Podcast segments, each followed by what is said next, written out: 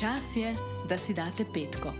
Sezujete petke, odložite opravke, se odklopite od obveznosti in vklopite na stežaj odprto radovednost. Čas je za renesanso. Vaš petkov podcast o trendih, tehnologiji, inspiraciji, svetu kot je in kot bo še. Dragi poslušalci, pozdravljeni v posebni izdaji podcasta Renesansa, v kateri predstavljamo najbolj uspešne zgodbe projekta Štarte Slovenija, ki že več let podpira podjetniški zanos in ustvarjalnost. Z nami so podjetnice in podjetniki, ki so svojo strast spremenili v uspešno poslovno zgodbo, svoje izdelke predstavili v trgovinah Špar po vsej Sloveniji in zdaj z nami delijo svoje izkušnje, ki vam bodo zagotovo pomagale v poslu ter vas navdihnile, da je čisto vse mogoče. Prijaznost do okolja se začne pri nas samih. Tina Štrubel je razmišljala prav o tem, ko je v svoji domači kuhinji leta 2014 začela oblikovati linijo naravne kozmetike. Nastale so tri različice deodoranta v obliki kreme ter blagovna znamka Nelipot, ki v prevodu pomeni nekoga, ki hodi bos. Znamka Nelipot je letos bogatejša za linijo naravnih kozmetičnih izdelkov za dojenčke. Tina, živijo, fulepo, da si z nami, kako si? Živijo, sem zelo vesela, da sem lahko z vami. Um, definitivno vesela tudi nove izkušnje, to je moj prvi podcast. Tako da, jej, um, super, ja, zdaj sem vsa tako um, na trnih, kako bo to šlo. Tako da um, upam, da se dobro. Um, znajdem v tej vlogi. Absolutno se boš dobro znašla, noben ti ne bo verjel, da je to tvoj prvi podcast. Uh, jaz si tudi bila velikrat na drugi strani mikrofona, ko si sama intervjuvala podjetnike znotraj Štarte Slovenije, tako da mislim, da si popolno pripravljena.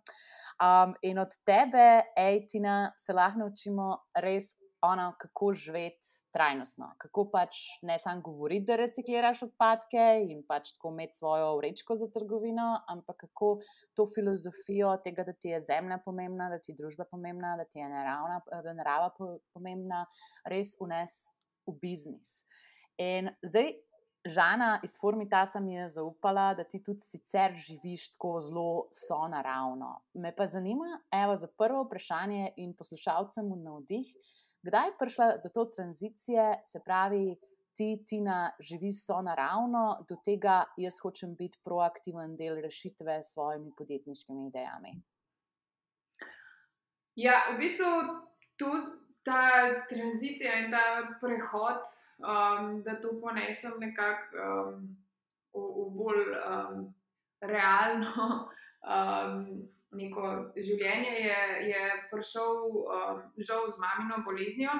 Um, takrat um, se je v bistvu cela naša družina nekako začela zavedati, da um, je zdravo življenje um, skupaj pač več elementov um, in da samo to, da vem, dobro jemo, pa samo to, da skrbimo za naše okolje, pa da skrbimo za svo, svoje. Uh, uh, dobro telesno pripravljenost ni dovolj, uh, da je zelo pomembno pač tudi, kaj uporabljamo uh, v kozmetiki, ker konec koncev to nanašamo na kožo ali pa ne vem, zobno pasto v usta vsakodnevno, um, dolga desetletja.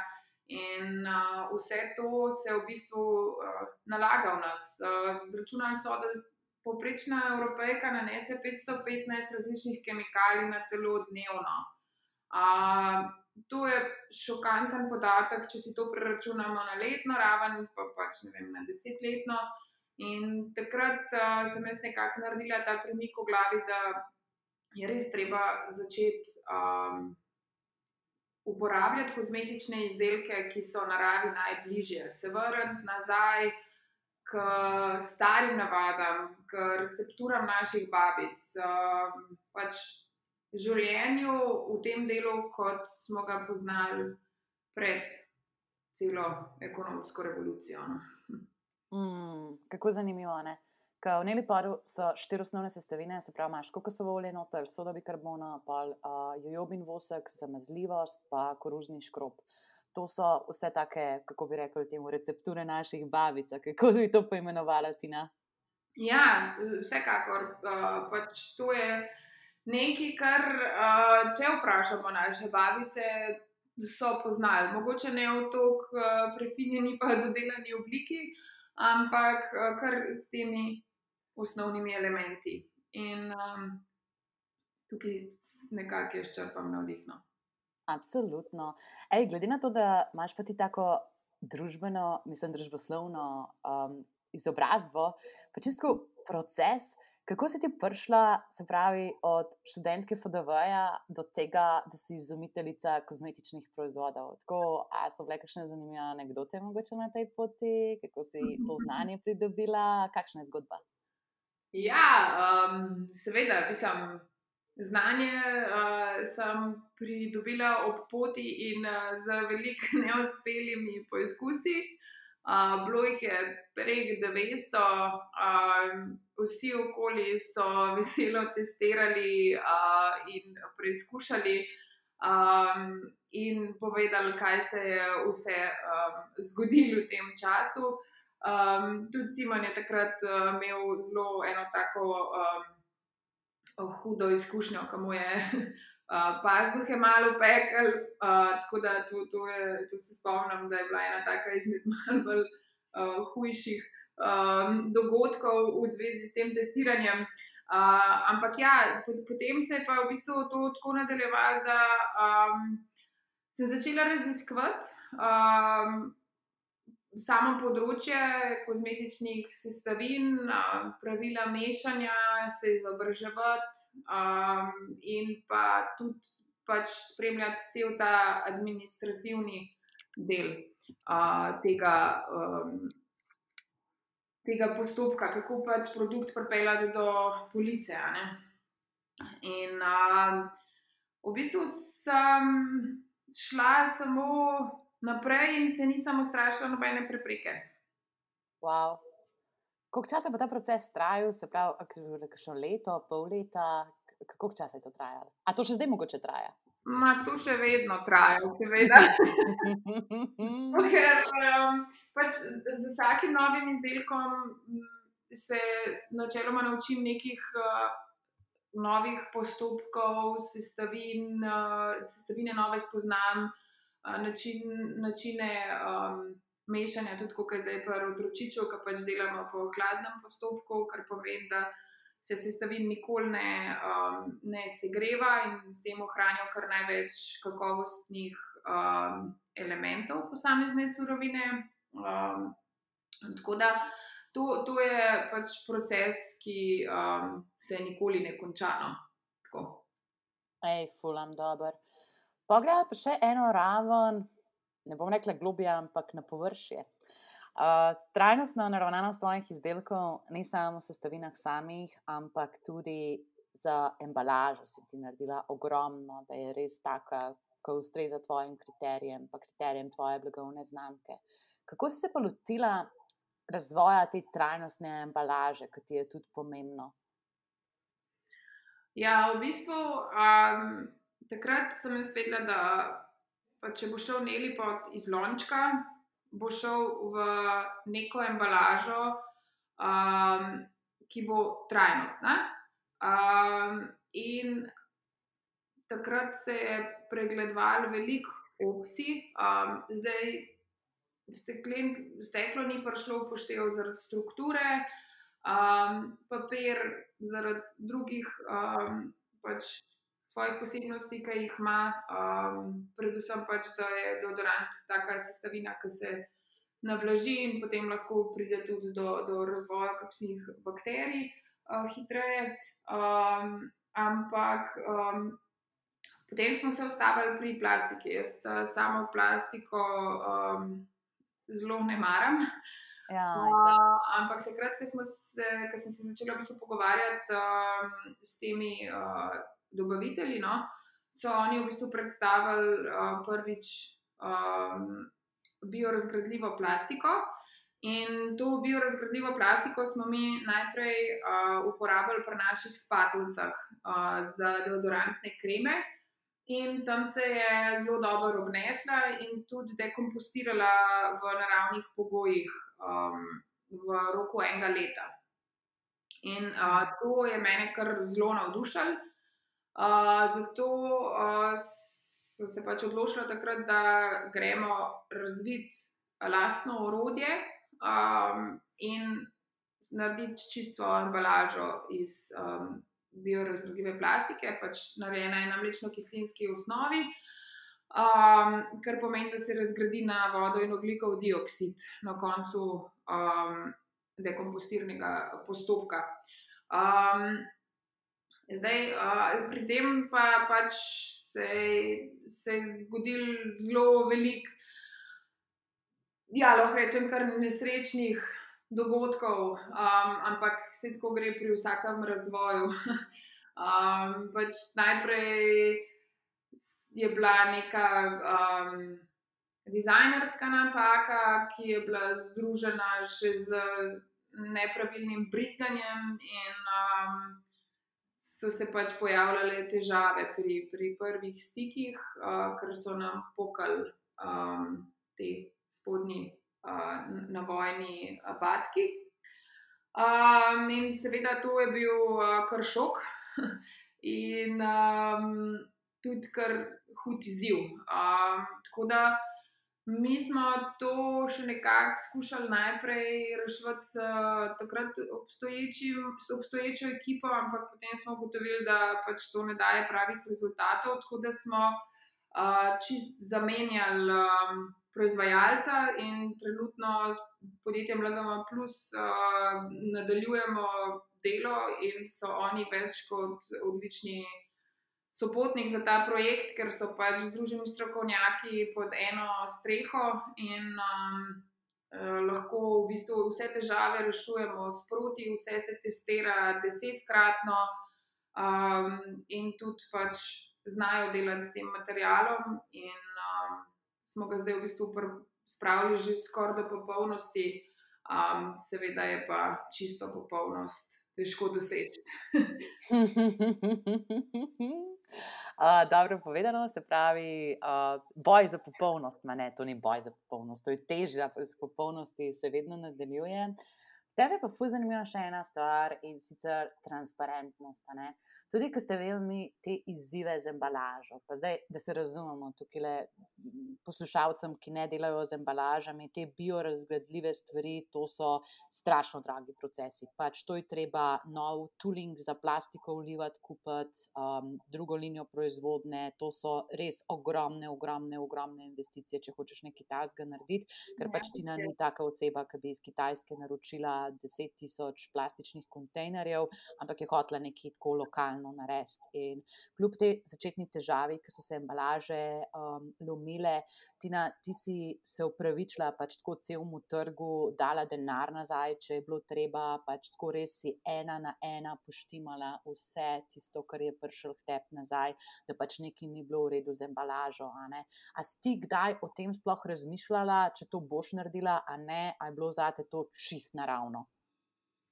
To je bilo za me čisto naravno.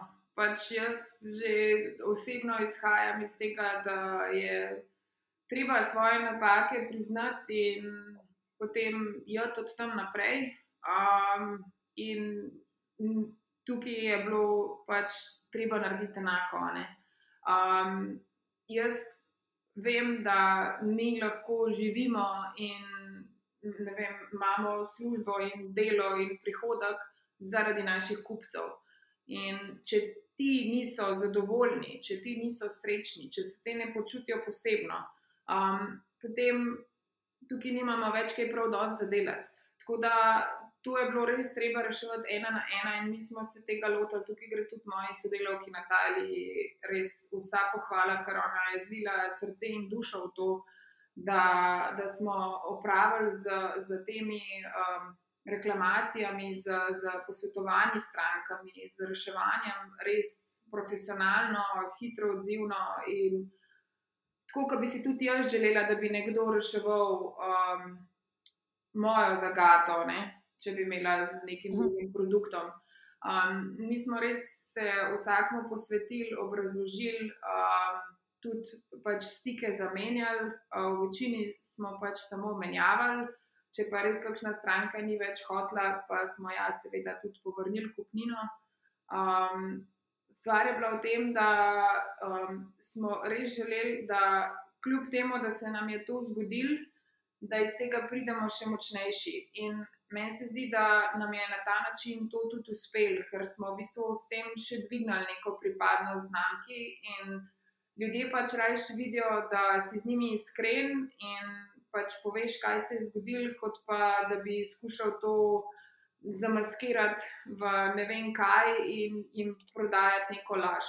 Um, na ta način se mi zdi, da smo, da smo še ukrepili svojo um, bazo kupcev no, in podpornikov. Sigurno. In še ena stvar, ki si jo povedala, pa mi je res ostala, hiter, hiter, hiter.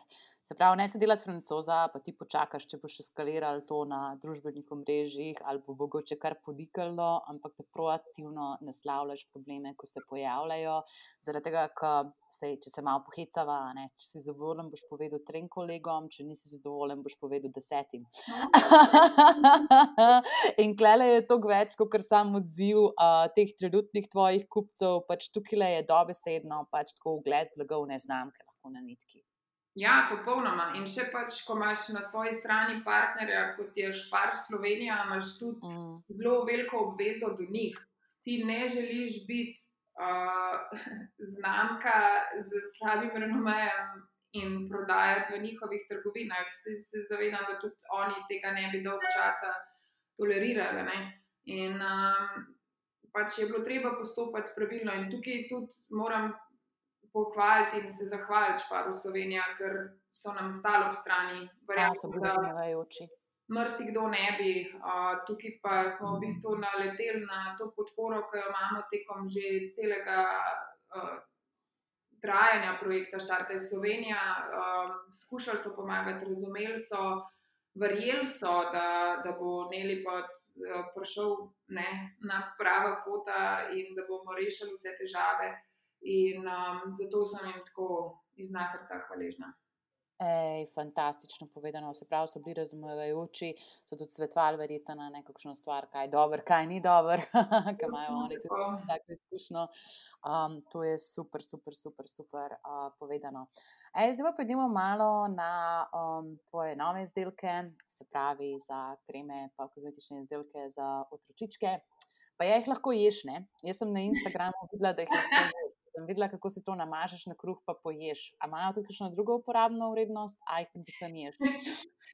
Putrček so, tako da na kruhu so odlični. Če zjutraj za zajtrk zmanjka, je to hiter s svojim otročičkom v sobo in namazati na kruh in zajtrk, za zajtrk je poskrbljeno. Um, malo za šalo, malo za res. Ampak um, ja, v bistvu. Uh, Največja prednost te linije je ravno njena naravnost, uh, tudi to, da ni dodanih uh, nobenih eteričnih olj ali parfumov, tudi ne konzervansov ali stabilizatorjev, drugih kot naravnega vitamina E. In s tem v bistvu dosežemo to, kar je meni glavno vodilo, tako naravno, da lahko poješ.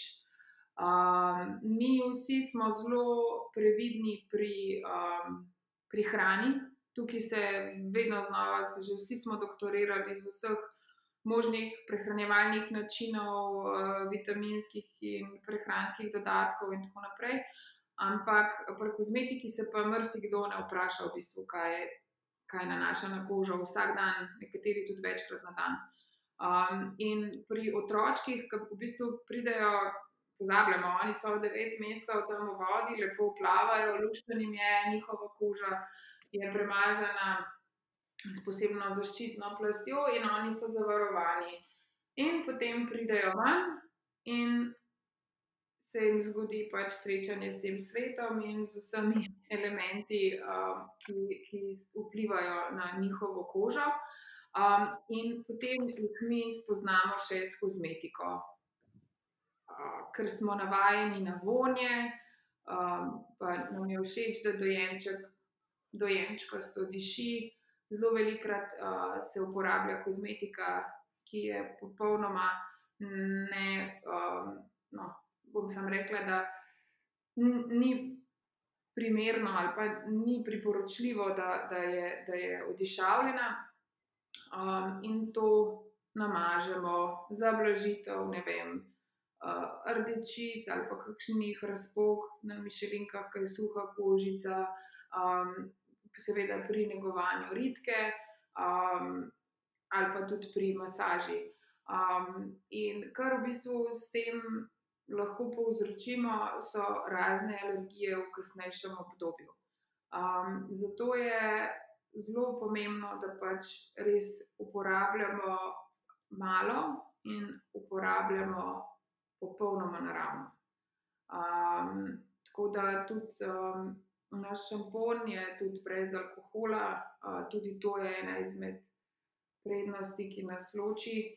Um, mi smo res naredili zelo, zelo, zelo podrobno um, tržno analizo. Uh, pregledali smo v bistvu vse, kar je na slovenskem tržišču, um, v trgovinah, kot tudi na spletu. In um, res lahko rečem, da so to dve poglavitni, tri, no, poglavitne prednostne linije, ki nas ločijo od ostalih. Um, nisem našla drugega produkta, ki bi ga lahko namazala na kruh in pojedla. Noro, noro, evo, pa smo tam, ki smo začele. Pule je zanimivo, ker si omenila raziskave. Um, ptička mi je zaupala, da si ti te zadeve testirala tudi s fokusnimi skupinami, ne? da si se dejansko pogovarjala z mamicami, pa s temi svojimi strankami, ki se tudi se ogromno pogovarjaš. Se pravi, raziskava pri tebi ne pomeni samo, grem na internet in naročim vse, kar ti obstaja, ampak vsebuje veliko pogovorov. A bi lahko dala kakšne napotke tistim podjetnikom, ki mogoče nimajo tako ponotranjeno, da se pogovarjajo s svojimi strankami še?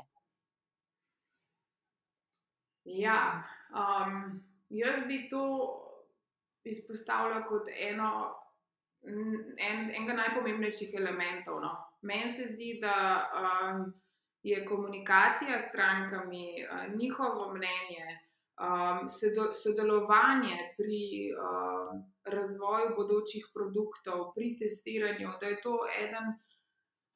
Najpomembnejših elementov, pa tudi odločevalcev, ali bo produkt uspešen ali ne. Pri nas se je že zgodilo, da se je meni kaj zdel super, noro, dobra ideja, potem smo jo pa dali testirati, pa smo videli, da v bistvu sploh ni dober produkt, oziroma da ljudje najdejo toliko enih um, pomankljivosti, da, da to tržno nikoli ne bo pil vode. Ne? In um, zato je, zato je zelo, zelo pomembno, da v bistvu. Um, se, se tega polotevamo kar pogosto. Kako se pa tega lotiti, je pa v bistvu dan danes to uh, v dobi družbenih omrežij uh, ena najlažjih reči. Zato, ker ljudje zelo radi priskočijo na pomoč, sploh svojim mnenjem. Uh, jaz sem bila tudi presenečena ravno z organizacijo fokusnih skupin, kako tudi radi si vzamejo čas za nek brand, ki jim je pri srcu, um, v zameno za pač, ne vem, nekaj naših produktov, pa bojo iskreno in iskrivo povedali mnenje o marsičem. Um, in zato se mi zdi, da, da vsa podjetja danes z zelo veliko lahkoto lahko preverjajo, kaj o njih menijo uh, njihovi uporabniki. Ej, super. Pa čisto konkretno se zdaj jaz predstavljam, pa popravi me, zato ker jaz si to siguren, zelo čuden predstavljam. Ampak jaz se zdaj predstavljam tebe, kako narediš tako na Instagramu en story, pa napišeš: Hej, mamice, naslednji teden bi rada povabila pet ljudi v naše podjetje, dajte se mi prosim javiti, tisti, ki bi radi prišli. ja, ne vem, kako to poteka, kako to poteka ti da. Ja, uh, tako to poteka. Resno, kako pa jih izbereš, ker siguren si ti več kot pet jih jav. Ja, mi, mi imamo tako ponovadi, da uh, mi naredimo v bistvu to kot neke vrste, skoraj da ne ena nagradna igra. Oh, wow. um, ja, pač takrat je največji odziv in takrat uh, povemo, da ja, no, za ne vem, danes bomo, uh, danes ugibamo, kaj je ABC in potem od spodaj. Izmed vseh sodelujočih bomo deset povabili na fokusno skupino, in uh, v zameno za to vam bomo dali uh, košarico naših izdelkov, in potem uh, v bistvu izžrebamo iz vseh sodelujočih, koga povabimo. Um, in tako je ta zadeva zaključena. Noro, pa, pa kaj jih povabiš, se tako vsi odzivajo, ali misliš, imaš kakšne probleme, da pa kdo ne pride? vedno je treba ne, povabiti, ne vem. 30 ljudi, pa jih potem ena tretjina pride, pa dobiš ne, tako nekako gre. Ja, ja, ne, ampak to so zelo dobre, da veš informacije za vse tiste, ki so zdaj le. Ja, wow, jaz bi tudi naredila fi, uh, fokusno skupino. Zdaj, če pet ljudi povabimo, jih bo pet prišlo. Ampak tako, le, če si rekla, da jih tretjina pa pride, to so ful uporabne informacije, ki jih zdaj le deliš. Ja, res je. Uh, res je. Tako da je treba sam pač naračunati, um, koliko pač ljudi želimo, in ene trikrat več to povabiti. Ja, valjda. Pa se zdaj tudi, da mogoče ni glih primerno, no, sigurno ni primerno ljudi povabiti uh, v svoje podjetje. A tudi kaj prek Zuma zdaj to delate, oziroma prek videokonferenc, a ste opustili to začasno, kako ste s tem? Trenutno uh, smo to opustili, uh, zato ker uh, nismo še probali prek Zuma, ampak pogled, uh, dober predlog, mogoče se pa tudi tega polotimo.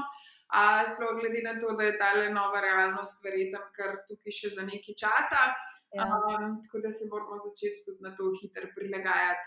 Um, ja, drugače pa ne, vedno smo imeli navado, da jih povabimo v naše prostore in potem uh, v miru, v kakšni urci, si, urco si vzamemo za take stvari in poklepetamo. Uh, načeloma je to sestavljeno iz uh, enega vprašalnika, ki ga jaz pripravim, najprej v bistvu, kako dobro poznajo brand, kaj bi si želeli, tako zelo splošno, potem pa v bistvu še v samih produktih, um, o katerih mi razmišljamo. Ali pa ne vem, enkrat smo jim pokazali, takrat, ko smo se odločili, katero celostno, graf, uh, katero celostno grafično podobo izbrati. Uh, pa smo v bistvu jih povabili in smo jim predstavili vse tri, in so potem uh, pač povedali, katera jim je najbolj uh, skočila v oči, katera jim je najbližji, um, kje barve so jim bolj všeč. Tako. In to v bistvu je bil potem tudi eden izmed pomembnih elementov, kako smo se odločili za končno podobo. No. Pa sami z radovednosti, a so bile kupcem všeč tako iste kreative, ki ste jih videli v podjetju, mogoče že prej imeli kot najbolj simpatične favoritke ja. ali ne? Ja, um, jaz, uh, jaz sem v bistvu zelo ponosna, no? ker se je izkazalo pri, uh, pri oblikovanju celostne grafične podobe. Je bilo to, da um, kako podoba Neli Pota uh, na, našim kupcem, kako jo dojemajo, uh, se zelo sklada z, z mojo podobo Neli Pota. Wow. In uh, v bistvu me je presenetilo, kako kljub temu, da je bilo to dokaj nenačrtovano komuniciranje do letošnje prenove, kako v bistvu so bile um, strnjene misli uh, naših uporabnikov, kdo ne lepo je. No. Tako zelo se je uh, izkazalo, da, da jim je zelo jasno. Um, Kakšna je znamka in katere vrednote nosi, in kako bi jo opisali. Super. Pa to je bila spet ena tako luškana raziskava, ki, če se pa ne motim, ste jo videli v sklopu, um, ko se reče, prenove grafične podobe. Se pravi, vi imate zelo razvejano linijo produktov. Če se ne motim, če imam pravilen podatek, mogoče ste zdaj omenili že kaj inovirali, ampak obstaja trenutno v liniji 38 izdelkov in to gre mila, šamponi, deoti, CBD, izdelki za otroke. Pač res taka raznolika linija izdelkov je. Vseeno morajo imeti te izdelki neko rdečo nit, se pravi neko povezavo z blagovno znamko. In klele je mogel biti poseben izziv, in če bi ga lahko malo upisala, kako čez to raznoliko linijo ohraniš eno celostno identiteto. Ja, to je, to je res bil velik izziv um, za, za znamko in, in za me tudi, ker um, mislim, mi smo vedeli, da, jaz sem vedela, da je, da je naravna, naravnost in, in uh, surovinska čistost, kot jaz temu rečem, pač preprostost je tisto, kar, um, kar je skupni imenovalec vseh naših izdelkov.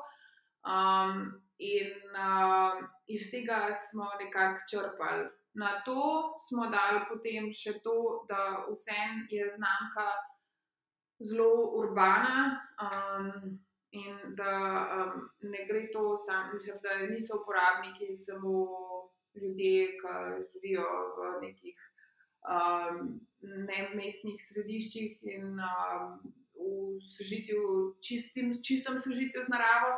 Um, tako da smo v bistvu mogli še nekako to urbanost dodati.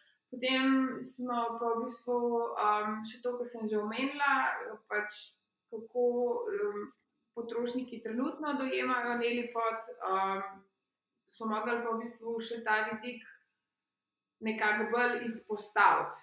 Um, ker očitno je bilo, da se komunicira tako latentno, kar dobro, ker vejo, ampak eh, zdaj smo pa hoteli to še nekako bolj jasno skomunicirati, um, da gre za naravno um, in uh, igrivo in nežno.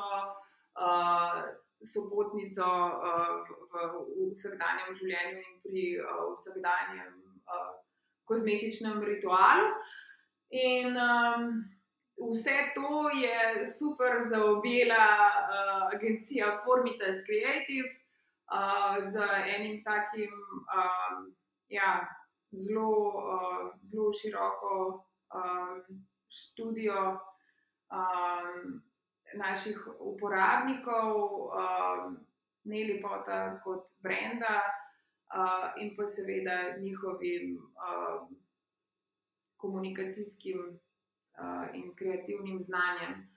Tako da Nelipot je letos marca um, zadihala s to novo podobo, um, v katero smo vnesli barve.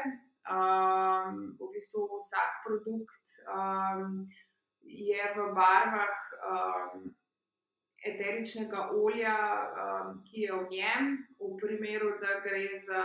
Um, produkte, ki ne vsebujejo dodanih eteričnih olj, pa v bistvu um, jih obarvamo v ta baby blue, katere, linija, uh, katere barve nosi tudi linija uh, otroška, otročič, uh, ki je del letošnje, um, letošnje sezone oziroma um, leta Štarta iz Slovenije. No. Ej, ful dobro. A za idejo, se pravi za otročiča, ki imaš pač fuluškano, a so tri izdelke v liniji? Ja, tako je. V liniji je v bistvu 100 odstotno hladno stiskano mandljevo olje z dodatkom vitamina E, to je, uh, ki ga uporabljamo za vlaženje uh, dojenčkove kože, na predvsem na pregibih.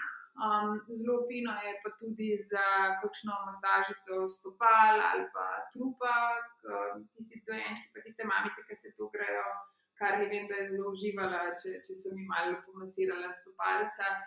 Če gre samo za vse, um, koliko je Karla stara, tvoja hčerka?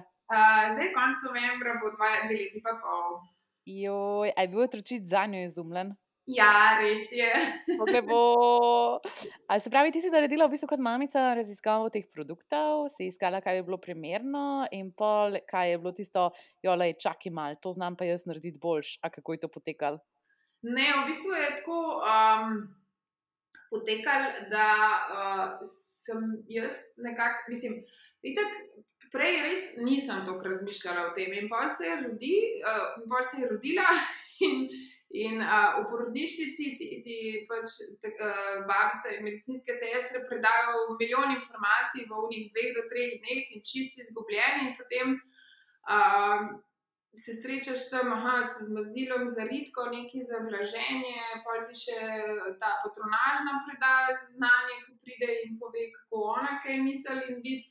In potem ti začneš z nego te svoje male štručke in ugotoviš, kaj je dejansko tisto, kar rabi in, in česar ne. Um, in um, jaz uh, sem pač samo vedela, da njej ne želim dajati na kožo nič, kar ni naravno. To je, to je bilo to, to je edino, kar sem vedela.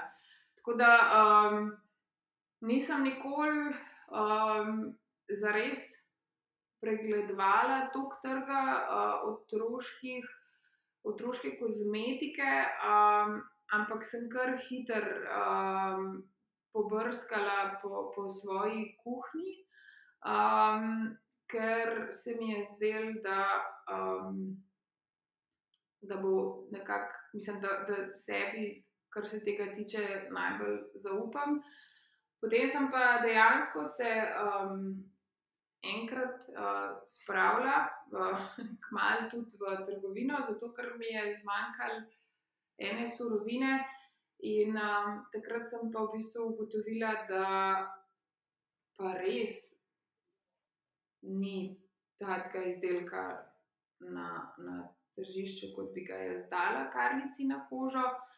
In um, tako se je v bistvu rodil utročično. O, kako lepa zgodbica. Ja. Tako res, res, res, res tisto, kar si se v angliščini reče, scratching your own itch, oziroma kaj popraskaš svojo lastno bolečino, tam, ki te srbi, ne ja. vem. kaj ene stvari v življenju tako spontano, tako res naravno pridejo. In kot si rekla, pač tako prej nisi tako razmišljala o tem, potem pa naenkrat to, kar postane cel svet in ni tako pač tako, haha, zakaj to še ne obstaja, kva se zdaj to dogaja, zakaj pač to, to še ni obstajalo prej. Ena stvar, ki sem jo še zdaj potegnila iz tega odgovora, ki se mi zdi blazno zanimiva, je pa ta minimalizem. Se pravi, da ne rabiš tam 20 različnih izdelkov in za vsak. Se so malo pohecale, predel obraza, drugo kremico, ampak te v bistvu iščeš ena tako holistične, naravne rešitve. Tudi to je del trajnosti. Ja, vsekakor. Uh, to je zelo pomemben aspekt trajnosti. Uh, zato, ker um, pač manj imamo izdelkov, manj imamo embalaže, že če tako pogledamo. Ja. In um, zato je zelo pomembno, da v bistvu se obračamo k večnamenskosti um, proizvodov, sploh v kozmetiki je to popolnoma mogoče. Tudi v našem primeru.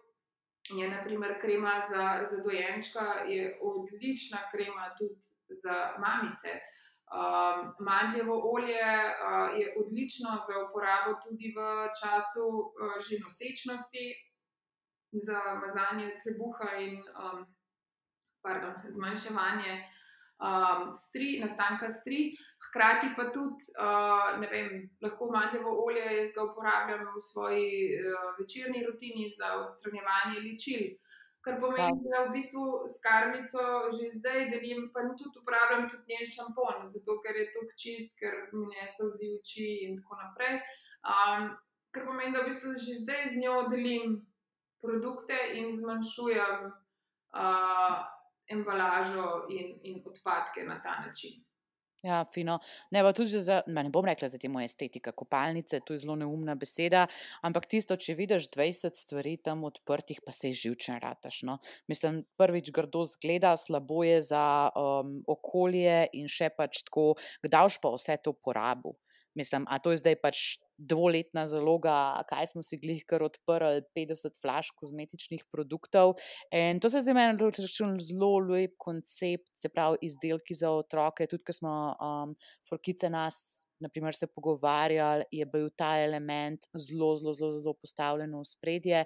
Se pravi, da obstajajo izdelki, ki so multifunkcionalni, da ne rabiš, mislim, če se spet pohecam za vsak mozol svoje kreme, ampak da je, so to ene take bolj holistične rešitve. To je the best, to je full, full, full, full, full dobro. Ja, tleno, biti še to, ja, ja.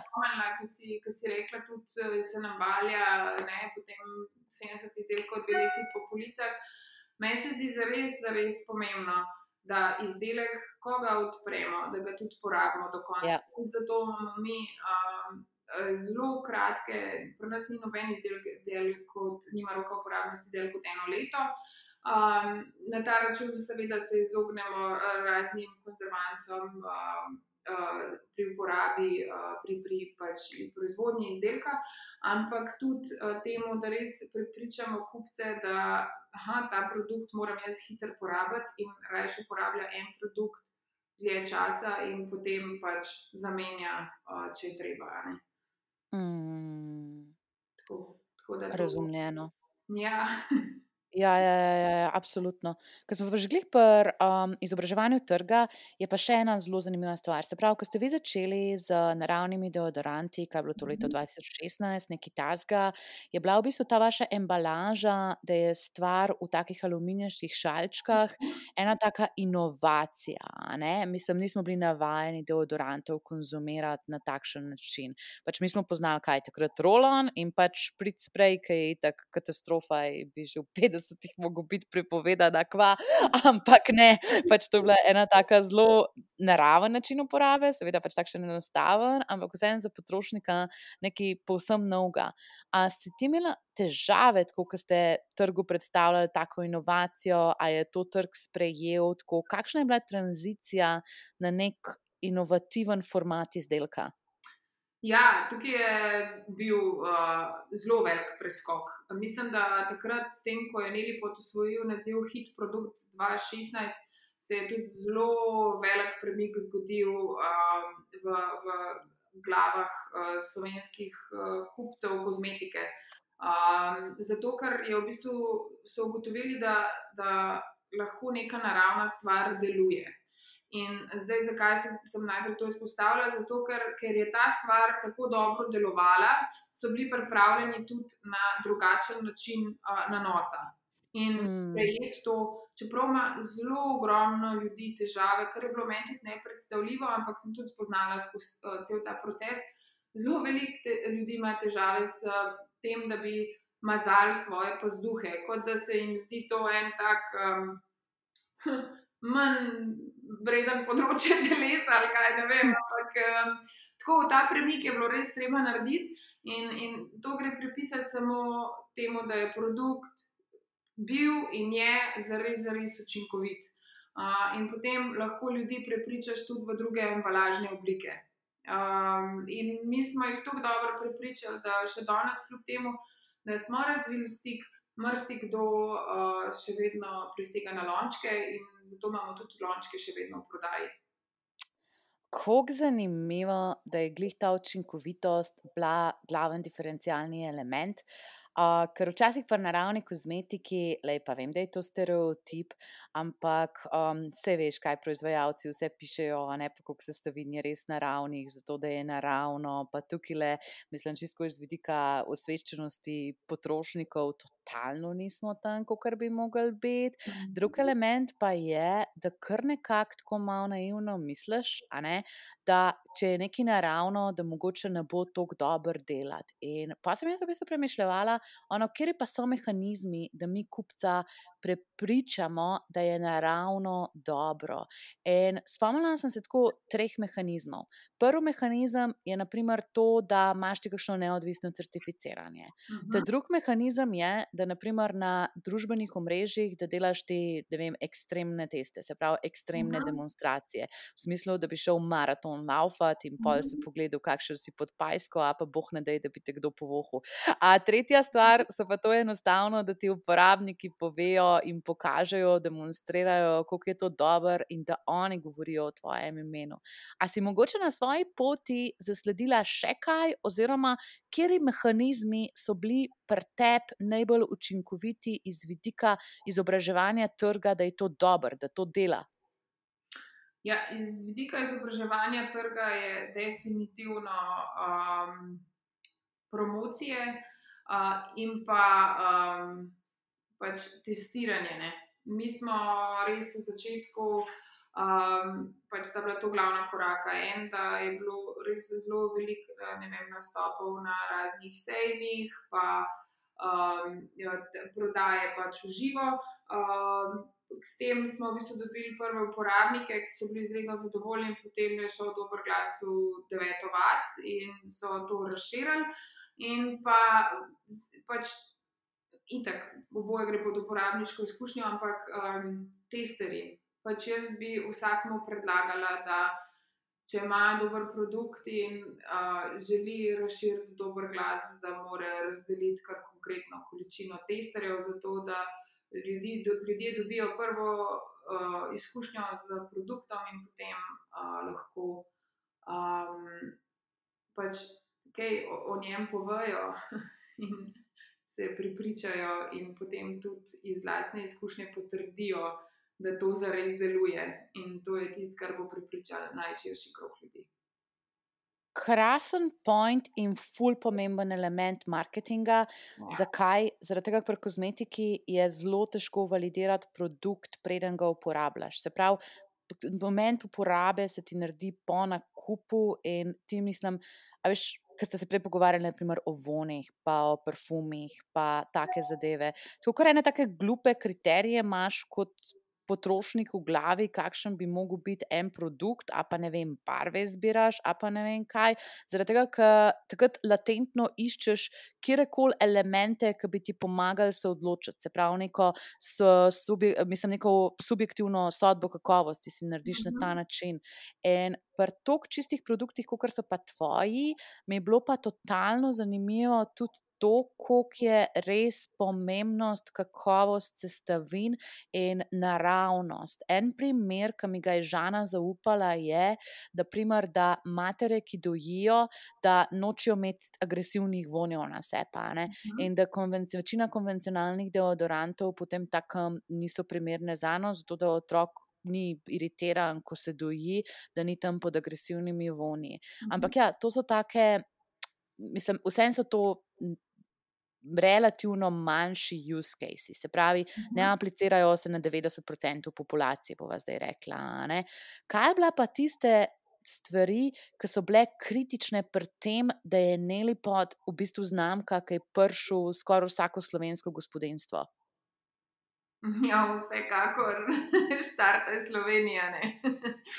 um, mislim, da to um, je pač to je tak marketinški puš, da, da bi ga težko sploh primerjala s čimerkoli.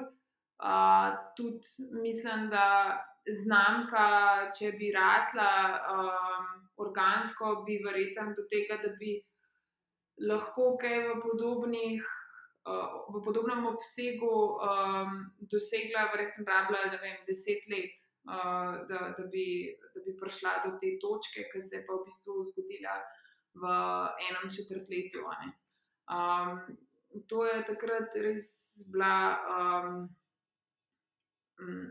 do, dosežena nevrjetna prepoznavnost, seveda skupaj s tem elementom, da je um, produkt zares dobro delal in dela še vedno. um, in da, da so ljudje pač spoznali, da je naravno lahko učinkovito. In to, to je bilo to. Ej, super. Pa, se pravi, če prednjo si ti začela s parom sodelovati, pa štarte Slovenijo, si imela tudi že, mislim, spletno trgovino. Danes imaš se lahko pohvala z več kot stotimi naročili na dan, ampak čist na začetku, a ti je v bistvu ta prodajni kanal pomagal validirati idejo, preden si se ti potem prijavila na štarte Slovenija. Um, zakaj si se odločila, da greš v spletno trgovino? Tako, kaj ti je dal ta poslovni model? Ja, v bistvu um, spletna trgovina se mi je zdela v tistem trenutku um, najlažji kanal um, za vsakodnevno prodajo. Ja, um, zato, ker um, takrat je, ja, vse smo, ne vem, nisem bil nekaj pa že v parih trgovinah, ampak to je šlo zelo tako postopoma. Um, sem šla do določene trgovine, predstavila izdelek in prosila, če lahko um, sem del njihovega prodajnega sortimana. In um, potem je šlo to tako počasi. Um, potem je pa v bistvu z, um, se, še, še vedno od ust do ust in pa v bistvu um, z enim z enimi parimi, tudi uh, zelo dobrimi recenzijami, med drugim tudi v um, prilogi dela v um, Ona. Je marca 2015 um, bila um, en, ena tako zelo uh, novička, samo zelo pozitivna, in takrat um, je bil tako neverjeten poskok naročil, in um, s tem pol se je tudi nekako um, ta um, spletna prodaja še okrepila. No. Mm, ja, tako da izbira je bila res samo zaradi tega, ker se je to takrat, pa, pač moraš vedeti, da to je laufal pisarna, dnevna soba, kuhna. Ne. To ni bilo, v garaži je bila proizvodna in to je tako. In zgor v stanovanju, fascikli, tiskalniki, vse na mizi, v dnevni sobi in odprte, vse možne reči in pakiranje in. in Te uh, kartonske škatle, po teh posod, založen. To je bilo tako, um, zelo še teksasno. Ampak, eh, ja. Ja, dobro, pa se je, a veš, improvizirana proizvodna, kako se temu reče. Čak i Janika mi je zanj dobro rekla, polautomatizirana polnilnica. Ja, okay. tako nekako, ja. Tako nekako, ja. ja. Tako da zato um, pač najlažje. Pa tudi uh, je bil najcenejši kanal. Jaz sem postavila spletno stran sama. Um, in sem lahko to vse vodila pač z minimalnimi stroški. Um, Čakaj, kje si ti postavila to spletno stran sama? To si ga še na WordPress vzela, v WooCommerce, kako si se tega lotila? Ja, na, na Vixu sem naredila jaz. Lepa. Potičnik za spletno prodajo, um, koliko par sto dolarjev je bil.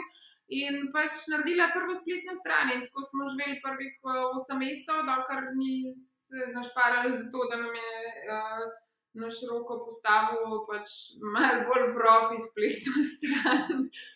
Ampak, ja, ne, sej, pač to, da si lahko prodajal in da so ljudje prebrali, in je, je tekel. Valjda, pa marketing si verjetno tudi pa sama delala, ne pa še v glaske pa to. Ja, skozi. Pač res Top. je um, sreča, da uh, ne, mislim pač Nelipot je prišel v, v, v, ja, v aluminijem lončku in to je bila čista nova oblika deodoranta. In o tem nekaj prav dosti ljudi vedeli štiri leta nazaj, in zato je pa še pač ta prikupna embalaža s pentlico in z vsem. In pač so bili tako. Prikupno je bilo no, za marsikatero urednico, ki se je potem usmilila um, kakšne, kakšne brezplačne novičke. Um, potem pa se je začel tudi um, pač resno oglaševati, sem delala dosti skozi z um, brand awareness prek Facebooka, pa Instagrama um, in tako je nekako šlo naprej potem. Ej, noro. Noro, noro, noro, noro. noro. Sej, vem, da se zveni um, lahko, da v resnici to ni lahko, da je treba vsak dan konsistentno biti tam, tudi ko noveš, kva bi objavil in tudi takrat, ko ti pišejo ljudje, živijo, zakaj je pa moja nalepka po strani nalepljena, pa karkoli tasga. Pa dobro, se če je pokrovček se zavrti, a veš, ni takšen problem. Sam, če je pa gor na steklenici, pa dobro, da malo analizirava uh, te stvari, ki se nam dogajajo, ko sami skrbijo za družbena omrežja. Nam pa hvala Bogu, eni ljudje tudi malo pomagajo. So pa naši super kupci in partnerji, ki nam pošiljajo svoje slike, potem dajo revije na izdelek, se pravi, kaj si oni mislijo, svoje mnenja. A jih to kaj spodbujaš, da delajo, a to sami delajo? Um, v, rečemo tako, 80% jih delajo sami. Wow. Um, drugač, ja, ostalo pa jih seveda tudi mi spodbujamo. Um, sploh, kadar je um, kakšen nov produkt, ki rab malo zagona, um, potem, potem naredimo kakšne um, te uh, večje giveaway akcije um, z željo po, po recenzijah. Ej, super, full dobro. Pa verjetno tudi te ljudi, ne, ki jih imaš v testiranju, udeležene, udeležene, full z veseljem to delijo, si predstavljam. Ja, seveda. E, ljudje, ki so udeleženi v testiranju, jih tudi vedno prosimo za soglasje, da lahko objavimo kakšna njihova mnenja, izsek. Um, tako da drugače pa um, res dost ljudi že odvedno, no? full um, radi kaj povajo o Neli, pa to samo inicijativno. Ej, kako lepo. Ja, to si štejem tako, kar uh, včasih, da, da, um, da, da, zna, mislim, da so nas to vzeli za svoje. No. Tako, to, je, to je lepo. Da... To je prislužena čast. Ja. To so bili zadovoljni s produktom, pa tudi z obravnavo, ki jo imajo, definitivno pa ni samo po sebi umevno, in seveda smo lahko hvaležni za to, kar se nam naredi. Točno tako. Ej, super, fulam lepo. A, kako ste pa vi šli potem iz polautomatizirane proizvodne, se pravi, iz improvizirane proizvodne, v lepo stavbo, ki jo imate zdaj v komendi, in kako je ek, širitev ekipe pri vas potekala, Tina? Ja, um, pri nas je um, vse je šlo dokaj organsko. No. Um, pač tako kot se je. Um, uh, rasla prodaja, tako, tako je tudi nekako um, rasla ekipa. Um, zdaj, po, v bistvu, po zmagi, takrat 2016, uh, so bili zaposleni dve, uh, zdaj smo štirje, pa ena študentka redno. Um, in um, ja. Nekatere procese smo malo bolj avtomatizirali, ampak še vedno je več ali večinsko to uh, ročni proces. Um, zato, ker res res verjamem, da je pač lahko en diferencialni element tudi to, da je nekaj izdelano še vedno z rokami um, in, in z neko energijo, ki jo človek da v to. Je pa seveda res, da tako ne bo šlo več dolg časa, ker um, bi pač radi šli um, aktivneje tudi na tuje trge in s tem, seveda, um, to ni več vzdržno. Um, smo pa ja, se letos preselili tudi v Komendo, to je bil res velik korak in tudi zelo nujen, zato ker prej smo imeli v bistvu to na treh koncih, pakirica proizvodna pisarne in to je bilo logistično naporno, komunikacijsko naporno in pač zdaj smo veliko srečnejši, ker smo vsi v enem prostoru, stvari se hitreje zmenijo um, in tudi enostavno vsi procesi so zato efektivnejši. Ej, da vest. Se pravi, ti imaš zdaj eno tako ekipo, okrog pet ljudi, vas je, a ne? In pri podjetništvu je fuz zanimivo, ko pridemo iz te tranzicije, da si sam za vse, oziroma pač tako, da si da zmišljuješ, glih, kjer del boš prevzel, a ne? Do tega, da prideš v izziv, ko moraš voditi druge ljudi. A, kako bi ti sama sebe opisala kot vodjo? Uf. Vem, to je ful težko, to je ful težko, ampak ne vem, kako ti, kaj ti pa drugi rečejo, kakšna vodja si. Mislim, da sem veliko bolj uh, sodelovka kot vodja večino dni. Pač jaz še vedno um, delam uh, na vseh področjih uh, v firmi, proizvodnji, v pakirnici in pa seveda samo samo organizacija dela in vodenje, uh, pa marketing. Um, ampak um, huh, jaz bi rekla, da sem leader uh, z uh, lead by example. No? Um, tako da se trudim biti um, vse to, kar pričakujem od svojih sodelavcev. Um, mi tudi, kdaj, seveda, ne rata in so tudi v vrsti, če moji sodelavci boljši od mene in takrat tudi to jih zato z veseljem pohvalim in jim povem, da se bom kaj naučila tudi od njih. Um, tako da jaz res verjamem, da je pač um, avtoritativno vodenje posebno in da je v bistvu neko um, sodelovanje in um, tisto, kar je glavno no, danes pri tem, da, da, da je neko podjetje uspešno. Se pravi, da se vsi po, počutijo pomembno, um, da vsi vejo, da njihov doprinos šteje in da so vsi uslišani. Um, seveda ne v vseh željah, ampak v tem, da, se, da pač njihovo mnenje šteje. No. In da vzamemo obzir, in da lahko sodelujejo pri um, marsikateri odločitvi.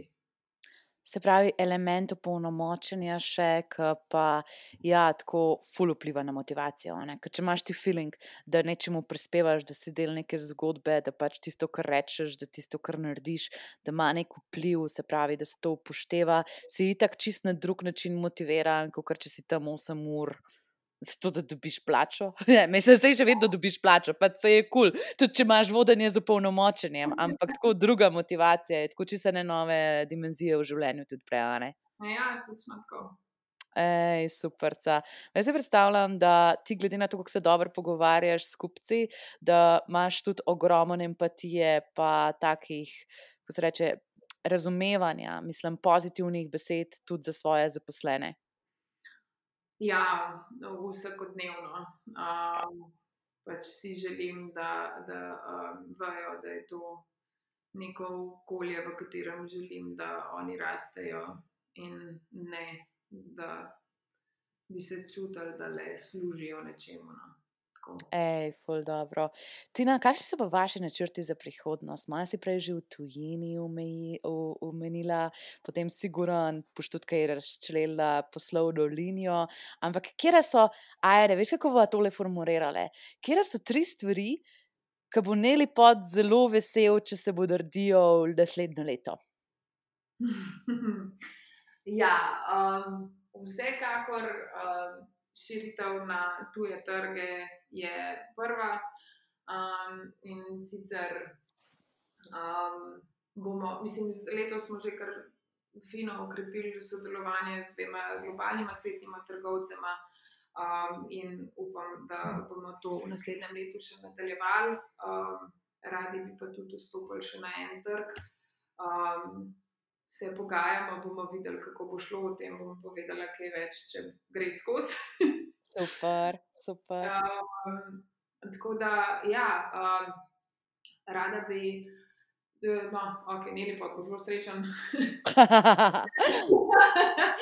Uh, če, če v naslednjem letu um, tudi predstavi še um, vseh šest produktov, ki so trenutno začrtani, um, in uh, razširja svojo, um, svoj sortiment produktni tudi na nekatera druga področja.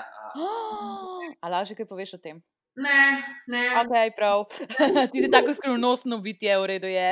ja, ja, tako, zdaj smo, ampak um, nekaj je nekaj, kar kupci že zelo nestrpno pričakujejo, nekaj je pa čisto um, novo področje.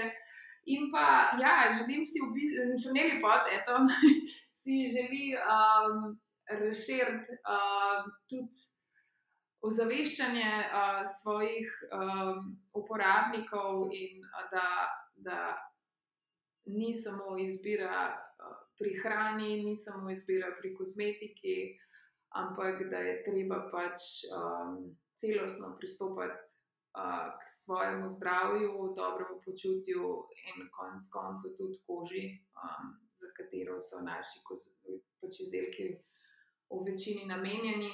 Um, in da v bistvu, če vse to troje upoštevamo, lahko pričakujemo potem um, maksimalne rezultate um, za popolnoma naravno kozmetično nego.